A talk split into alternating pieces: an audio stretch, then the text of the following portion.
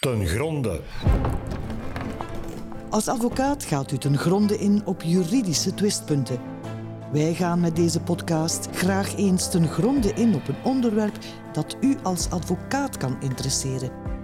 Ik ben Sophie de Meijer, woordvoerder van de OVB. Dit is geen gewone podcast ten gronde. Deze opname vond plaats tijdens de derde dag van de rechtsstaat in Mechelen op 12 mei. De OVB was mede-organisator. Ik interviewde er een voormalige Turkse magistraat die zijn land moest ontvluchten. Aan de hand van een PowerPoint-presentatie getuigde hij over de rechtsstaat die in Turkije gaandeweg werd en wordt afgebouwd. De slides kan u jammer genoeg niet zien, maar zijn verhaal is zo beklijvend dat ik het u niet wil onthouden. Het interview is in het Engels, omdat Aydin Umut zich nog niet vlot genoeg kan uitdrukken in het Nederlands. Aydin Umut is een schuilnaam.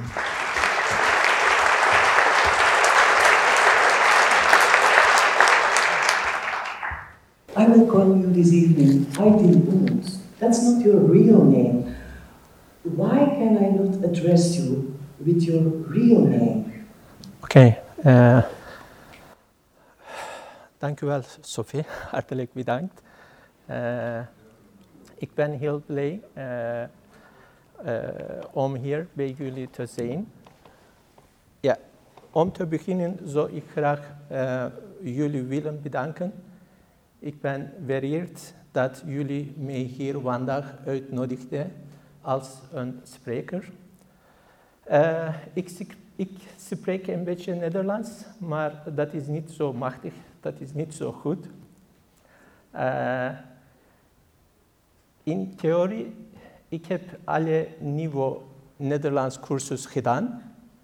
En eh, ik, ook, eh, ik ben ook eh, naar de Universiteit van Antwerpen gegaan om mijn Nederlands te verbeteren.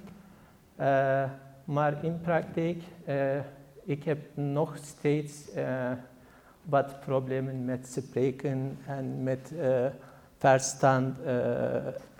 Ja. Ja, dankjewel. Uh, dankjewel. Als u mij excuseert, ja, eh, ik wil graag Engels spreken. Uh, yeah, I'm so sorry.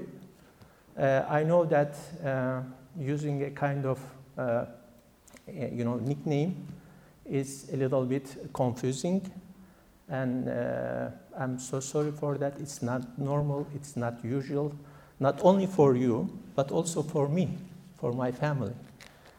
Uh, the answer is actually simple, but the reasons are very complicated.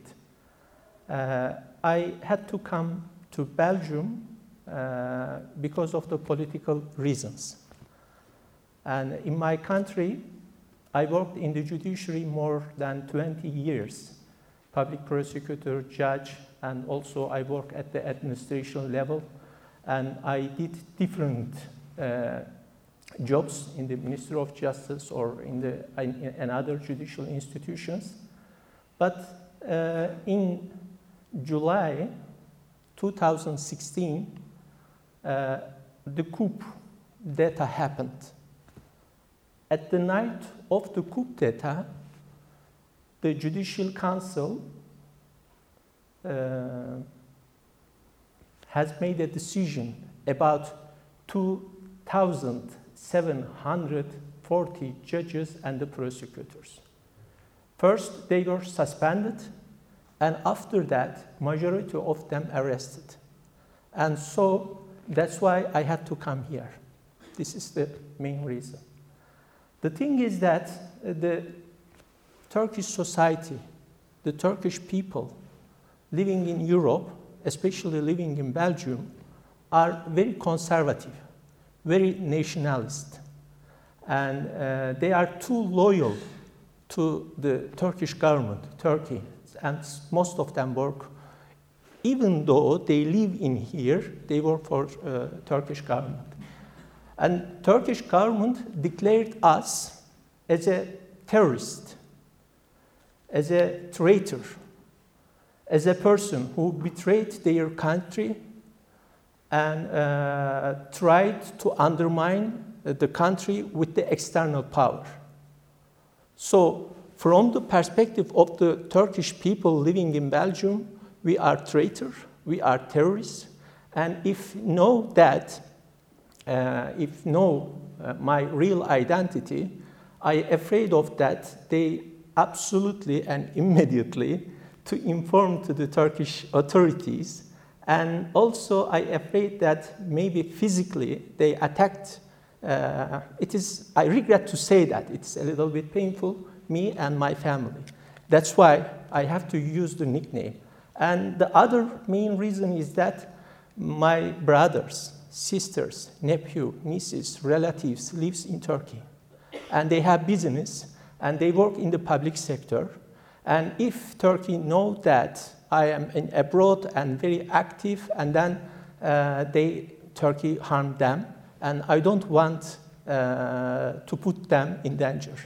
And also, I rebuilt new life in here. I have a job, and you I want to use my right about to be forgotten. The coup you say, Yeah. in Turkey. Um, you're here to speak about the rule of law. How do you think about the rule of law?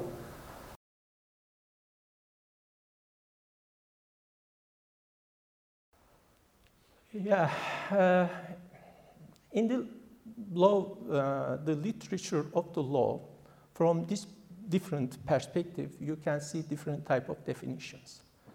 But for me, I can say that rule of law means the all government officials, all the institutions, and all the individuals are bound and abide by the law, not by the order one man. And legal predictability, legal certainty, legal uh, clarity is the central pillar of the rule of law. And so, from my perspective, rule of law is sine qua non. And thanks to that, you can live in safe and secure environment without any kind of fear, as long as you respect the law and the rules. And the rule of law based on justice. And justice, in my opinion, can be established by the independence of the judiciary. And independence of the judiciary can be provided and protected in general by the independent judges and the prosecutors. That's why the tyranny regimes or autocratic regime and the people who don't want to, you know, be abide by the law always attacked the rule of law, separation of powers. They try to take the judiciary under its control. Why? Because this is just my opinion, and I'm sure in here there are so many distinguished guests, and they know better than me. But my opinion based on my experience.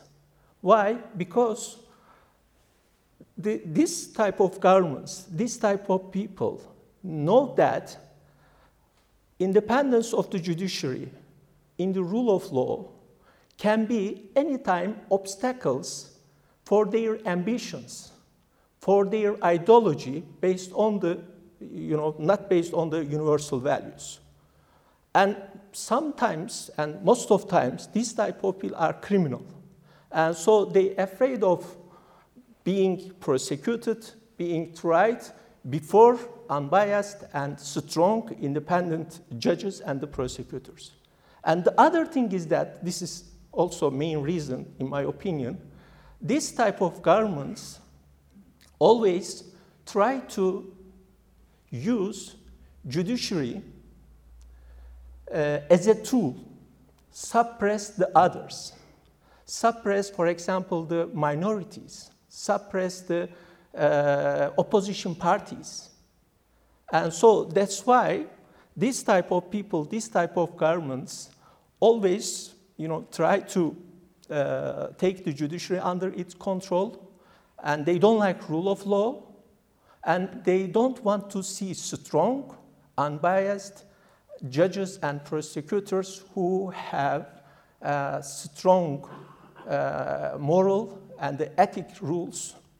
And uh, that, is, that is the case in my country, and that is why until now, more than 4,000 judges and prosecutors in Turkey were dismissed and majority of them were arrested.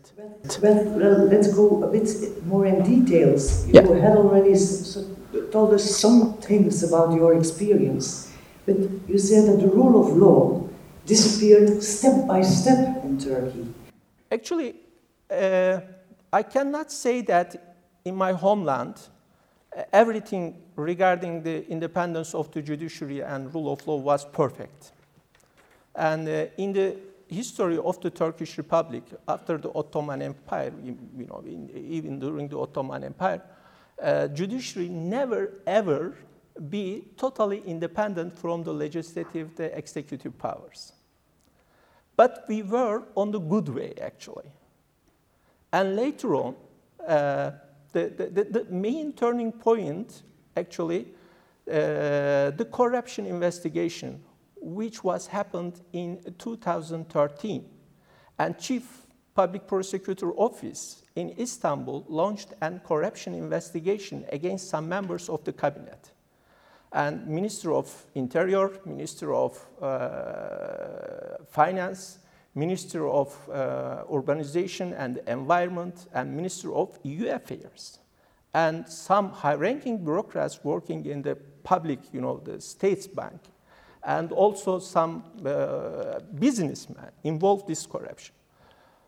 And also the son of the prime minister uh, involved.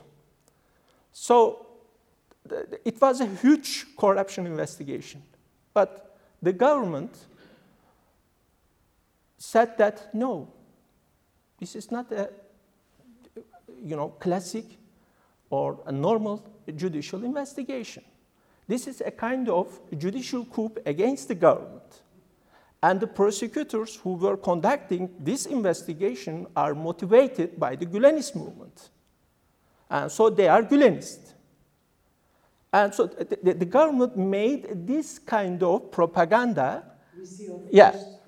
Actually, I would like to show this photograph because this photograph shows uh, the current situation of the Turkish judiciary.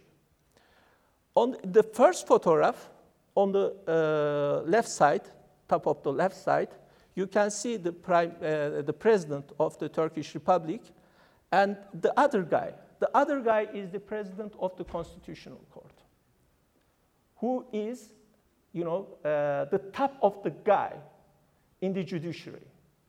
The president of the Constitutional Court, the highest point in the judiciary. But he showed a kind of respect uh, before the president. I, I, I, I don't think that you can see this type of picture in the Western democratic countries. And on the right side, you can see, you know, the car, and also you can see the head of the Supreme Court. He showed respect to the car of the uh, president. On the left side, in the, below, you can see uh, the head of the, the president of the Council of State. The same situation. On the right side, they were very happy, having fun with the you know, gardens. This is the, uh, uh, the current uh, situation of the Turkish judiciary. As I said before, we didn't come to this point overnight.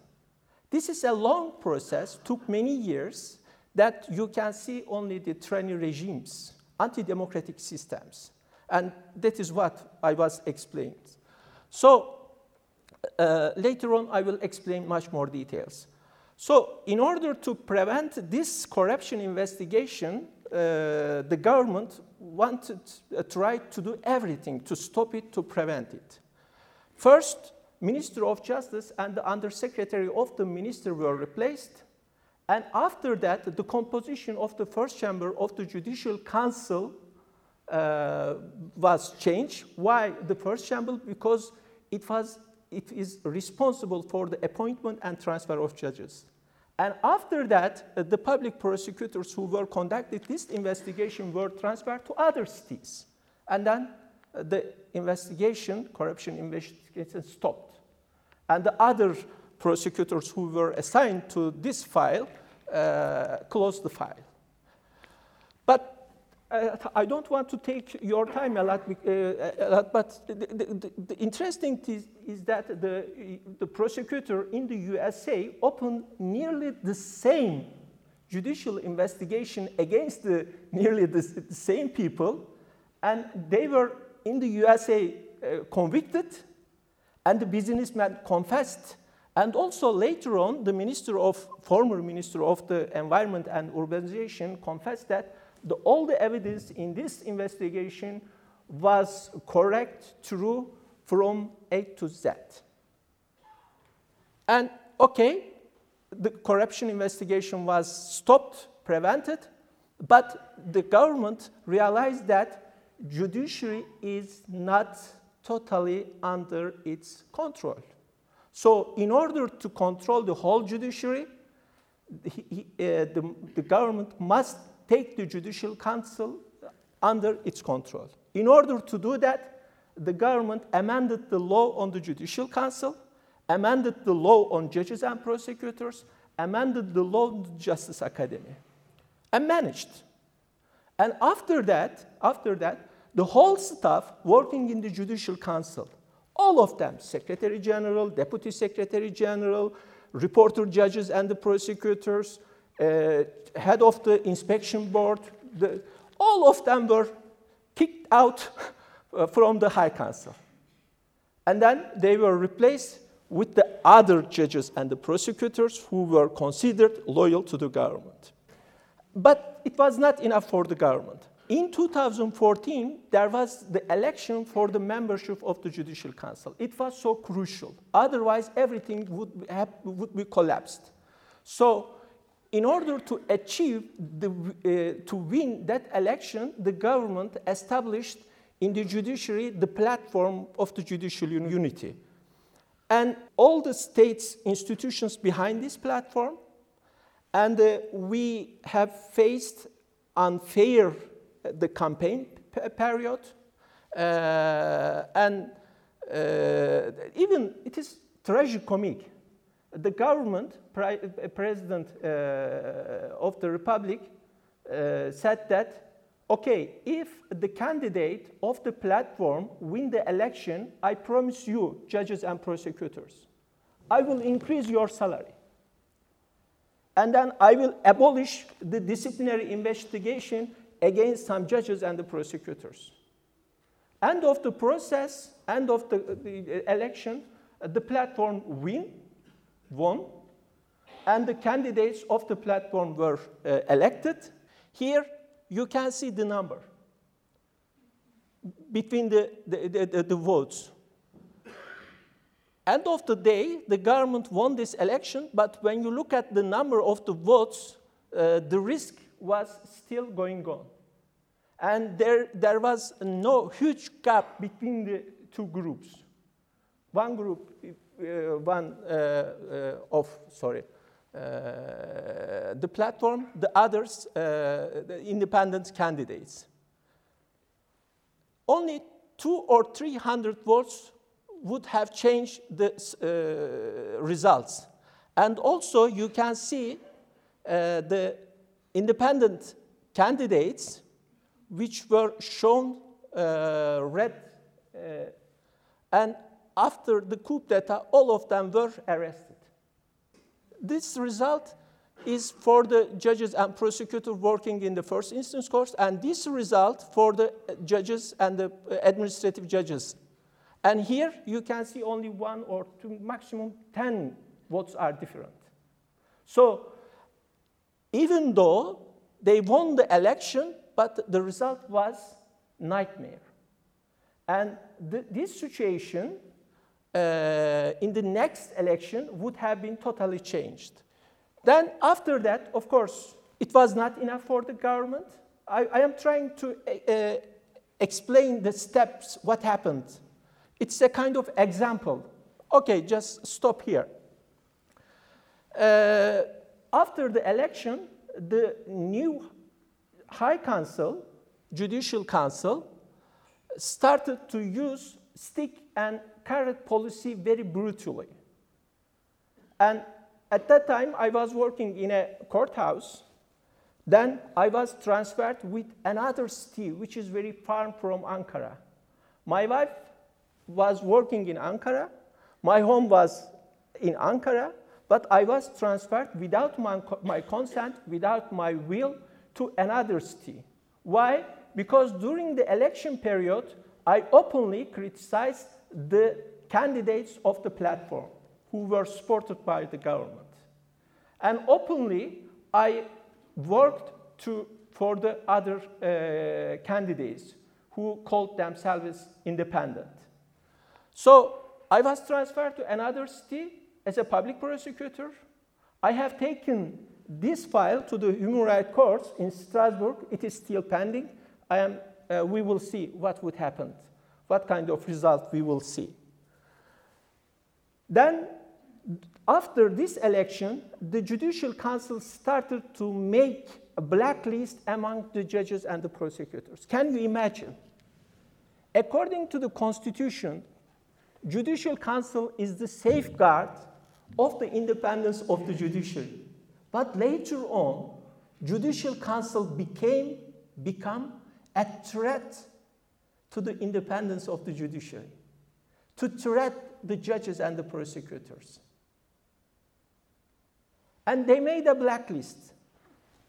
Then, in 2016, the coup d'etat happened, and then at the night of the coup d'etat, 2,740 judges and prosecutors were suspended without any disciplinary investigation, without taking our oral and written defense. But it was happened. Why? Because the law were suspended. The constitution were suspended. Until now, more than 4,000 judges and prosecutors suspended, arrested. And next slide, please. And you can see some figures. Here, uh, also the number of current judges and prosecutors working at the first instance and appeal courts. Two members of the Constitutional Court were arrested. One of them was vice president of the Constitutional Court. And later on, the Human Rights Court made a decision, the Human Rights Court in uh, Strasbourg made a decision that the arrestment of this guy was unlawful. But still, he is in the jail, he is in the prison. We are talking about the judges working in the Constitutional Court. And also, the members of the Court of Cassation, Council of States, where hundreds of them were arrested. Not only judges and prosecutors, but also the members of the current Judicial Council were arrested at the night of the coup d'etat. How they understand that these judges and prosecutors involved this coup d'etat? Who is, which organization is behind this coup d'etat? Everything was prepared, the blacklist was made, and they waited for the coup d'etat. The coup d'etat became a perfect excuse for the Judicial Council to kill the independence of the judiciary. And the, the, the vice president of the, it was not secret. The vice president of the Judicial Council said that to the journalists. Yes, it's true. We suspended 2,740 judges and the prosecutors. But the list was not made overnight. We had been working on it for three years. And I argue that I am one of the best person in Turkey who knows the law on the judges, uh, the, the, the law on the judicial council, because I was head of the commission who drafted first version of this law.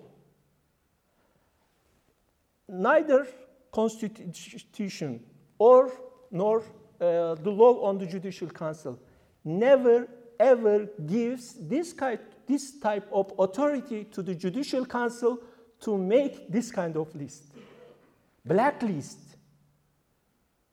They committed a crime, but still they are very respected. In Turkey, they are ruling the judiciary, And they say that we are independent and you know, we, we, we are respected judges and prosecutors. And also former members of the Judicial Council, all of them nearly arrested. They, they, most of them are still in the jail. And one of the and judges are treated worse than the most dangerous terrorists. Their pictures and their identity, the, the information about their identity was published on the newspaper, shown the, on, on the television as if they are a terrorist. The, the guy on the left side, the first picture, head of the, head of the, uh, the biggest judges association, which was closed after the coup d'etat. He was arrested, he was convicted, but he was also awarded by the Council of Europe. And the other guy was the head of the first chamber of the Judicial Council. And the others, can you see, as if they are a very dangerous guy between the police officers. Hundreds of judges and prosecutors have been sentenced to more than six years in jail. If they are lucky, they were convicted more than six, six years and three months. But some of them were sentenced 12 years, 18 years. Yeah, one of the, this is the example. Former judge and the deputy undersecretary of the Ministry of I know this guy very well. He has a double brain. He is very clever, but he is still in the jail and convinced, convicted uh, for 12 years. And judges and prosecutors are dying in the prison, I said. This guy, I worked with him in the Judicial Council. He was former member of the Judicial. He was very kind, very calm. He was speaking very slowly, but he died in the prison. I saw his picture in his cell when he was died. Uh, it was uh, on the internet. On the table, there were some books. One of them was the Dictionary of English. He was trying to learn new things. And I can say that pro-Western judges and prosecutors were dismissed. I would like to give an anecdote. While I was working in the High Council, I will give some details. I hope it will not be dangerous or Turkey will not hear. Uh, I was responsible for the international relations and the project. One day, while I was going to meeting room to welcome the delegation coming from Europe, I came across one of the members of the Judicial Council. Now, he is still active and he is working in the Judicial Council. He has been working for 10 years and he is most powerful figure in the judiciary. And he asked me, where am, am I going to? I am going to. And I said, we have a delegation coming from Europe and I have a meeting. I have to go there uh, to welcome. Uh, and he looked at me so strange and said, Aydın, what would happen to you when you passed away, when you go to the, another world? Do you understand what this means? I was really surprised. What would happen to me in another world? I'm just, you know, poor guy, and I did nothing. Uh, as far as I know, I don't have big sin or something like that. And he looked at me again and said, You serve always to the kafir, to gavurs. Kafir or gavurs is a kind of adjective to describe the non Muslim people. It means the infidel. Am I right? Infidel.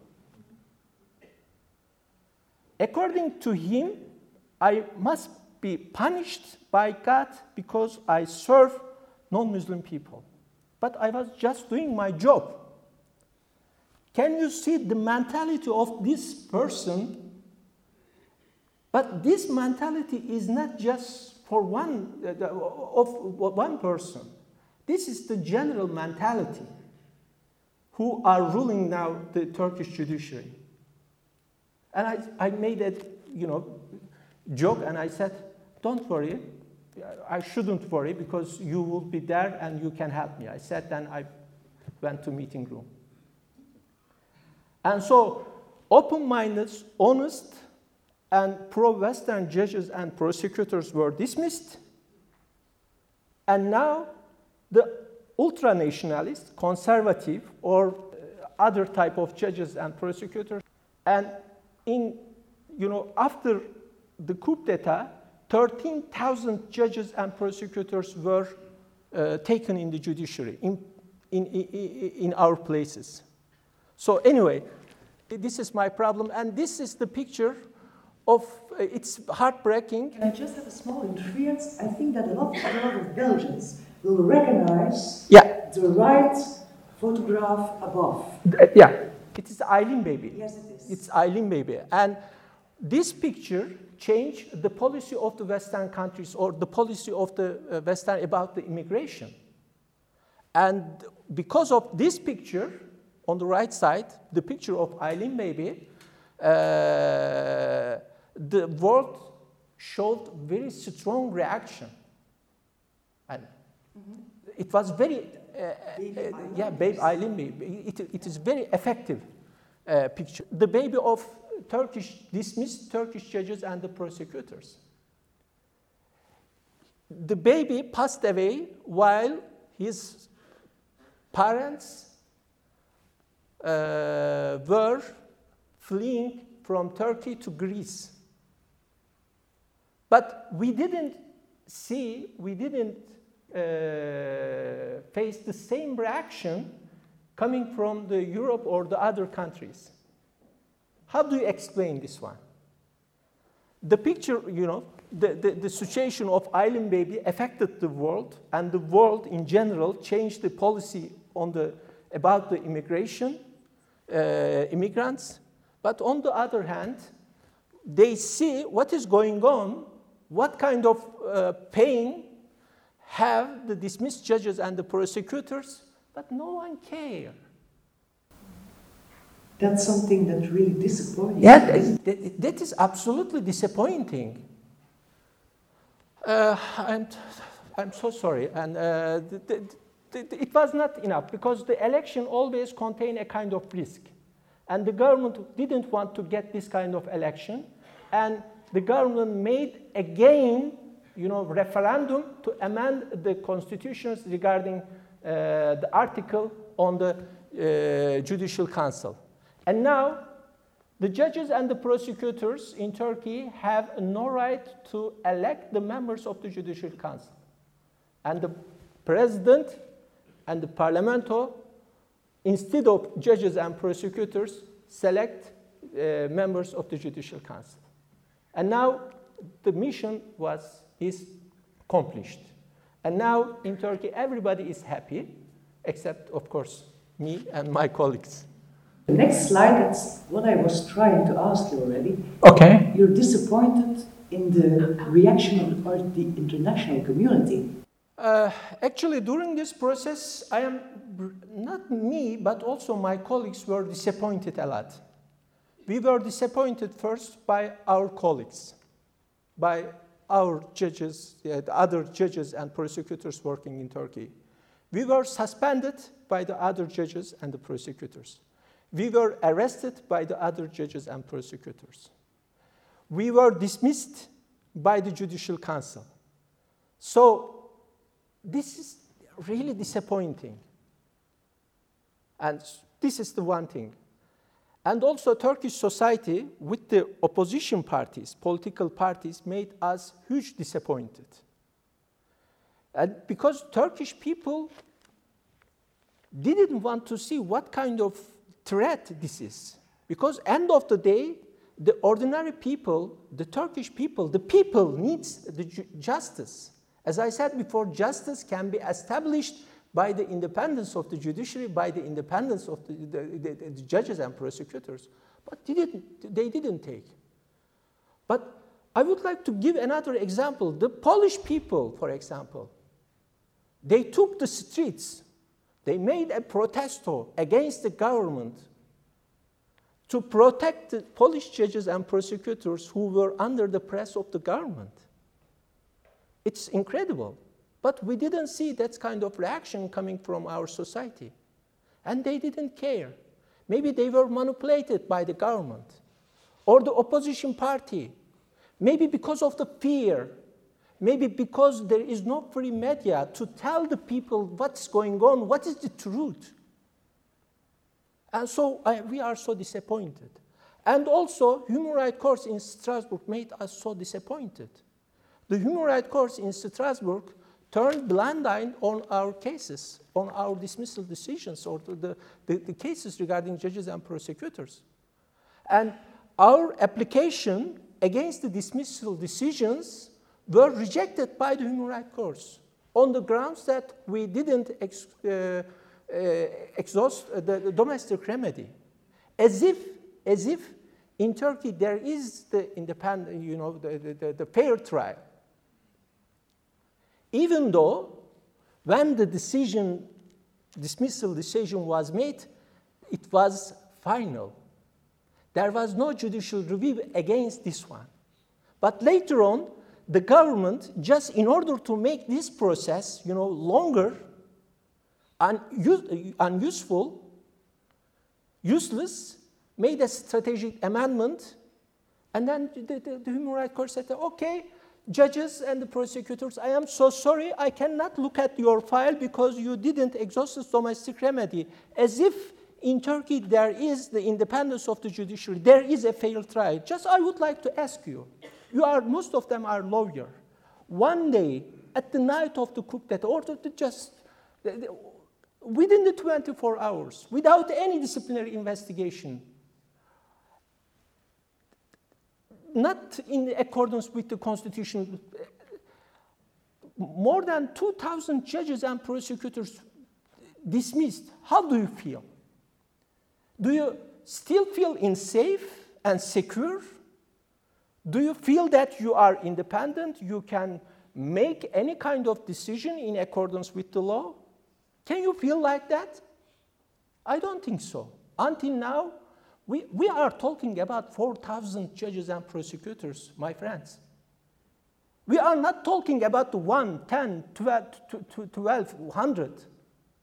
In the human history, I am not a uh, historian, but in the, in, the, in the history of the judiciary in the world, you cannot see this kind of example. But human rights courts turned blind eye.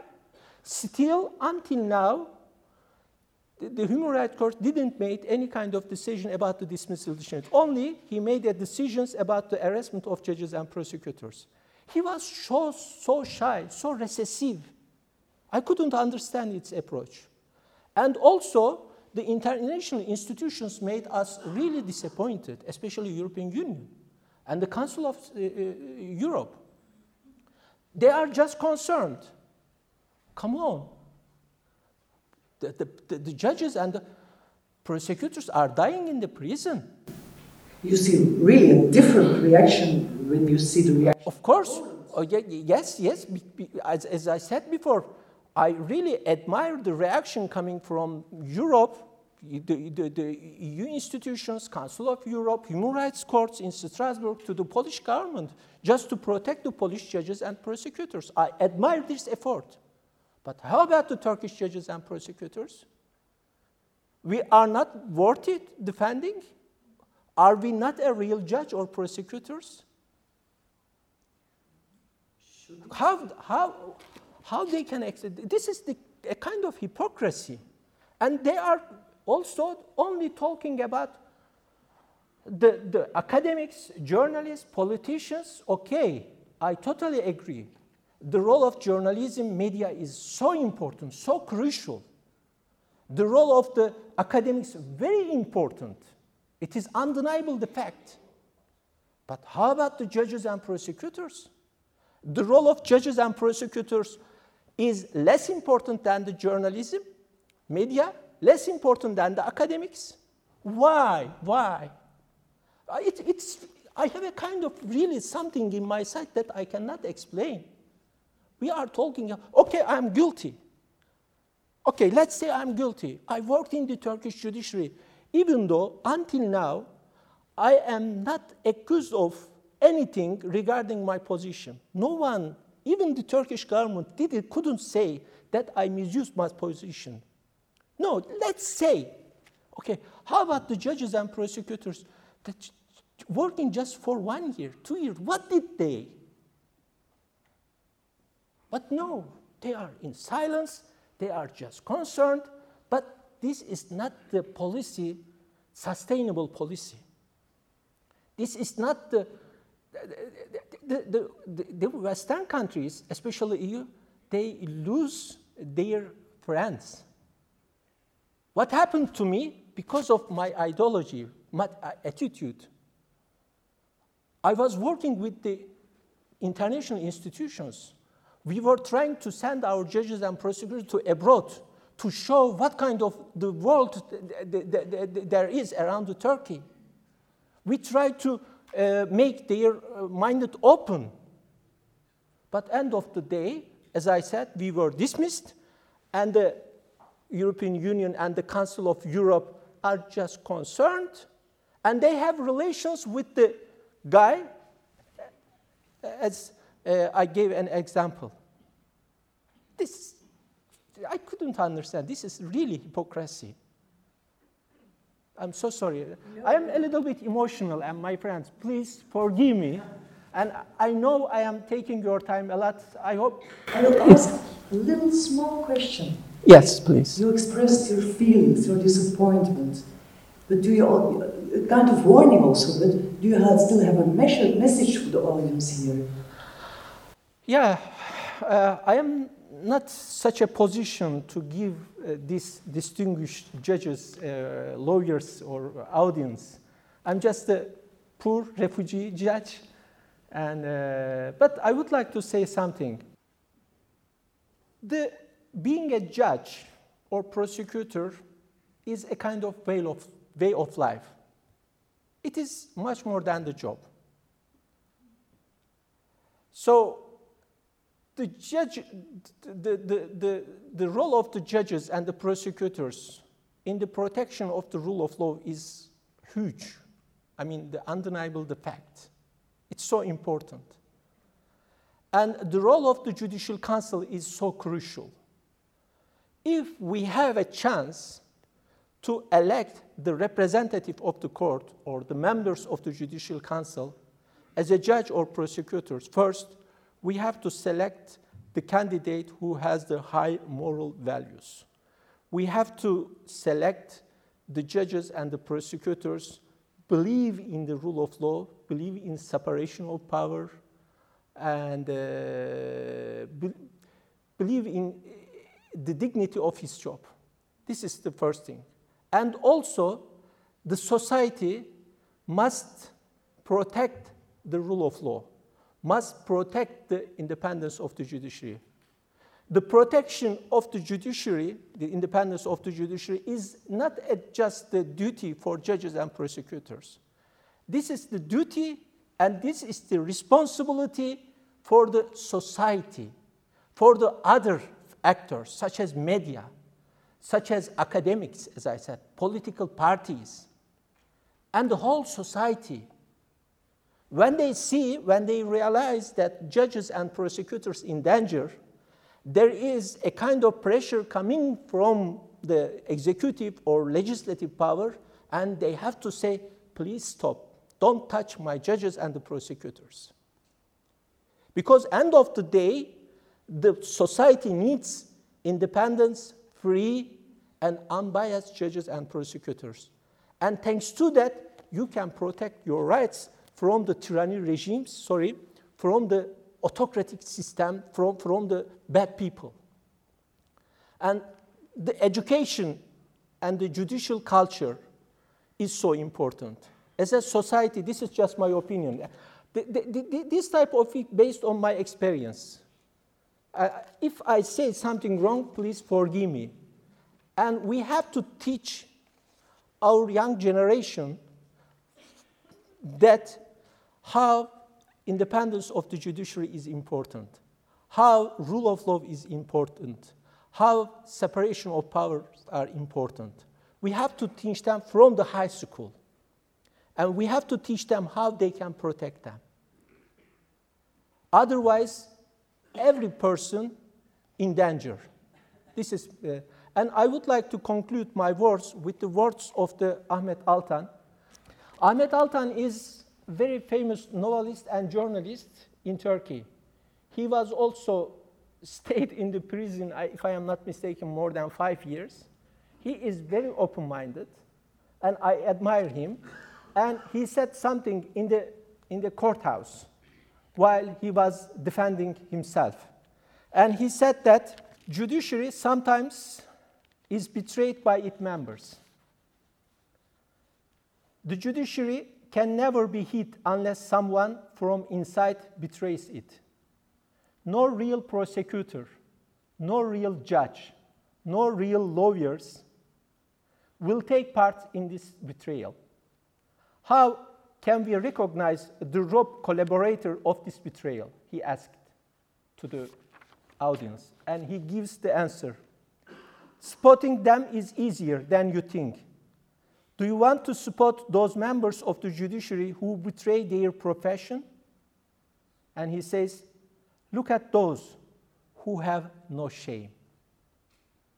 Whoever has erased the sense of shame from their souls, they are the traitors within the judiciary. En hartelijk bedankt, uh, Sofie, uh, voor uh, alles. En hartelijk bedankt voor.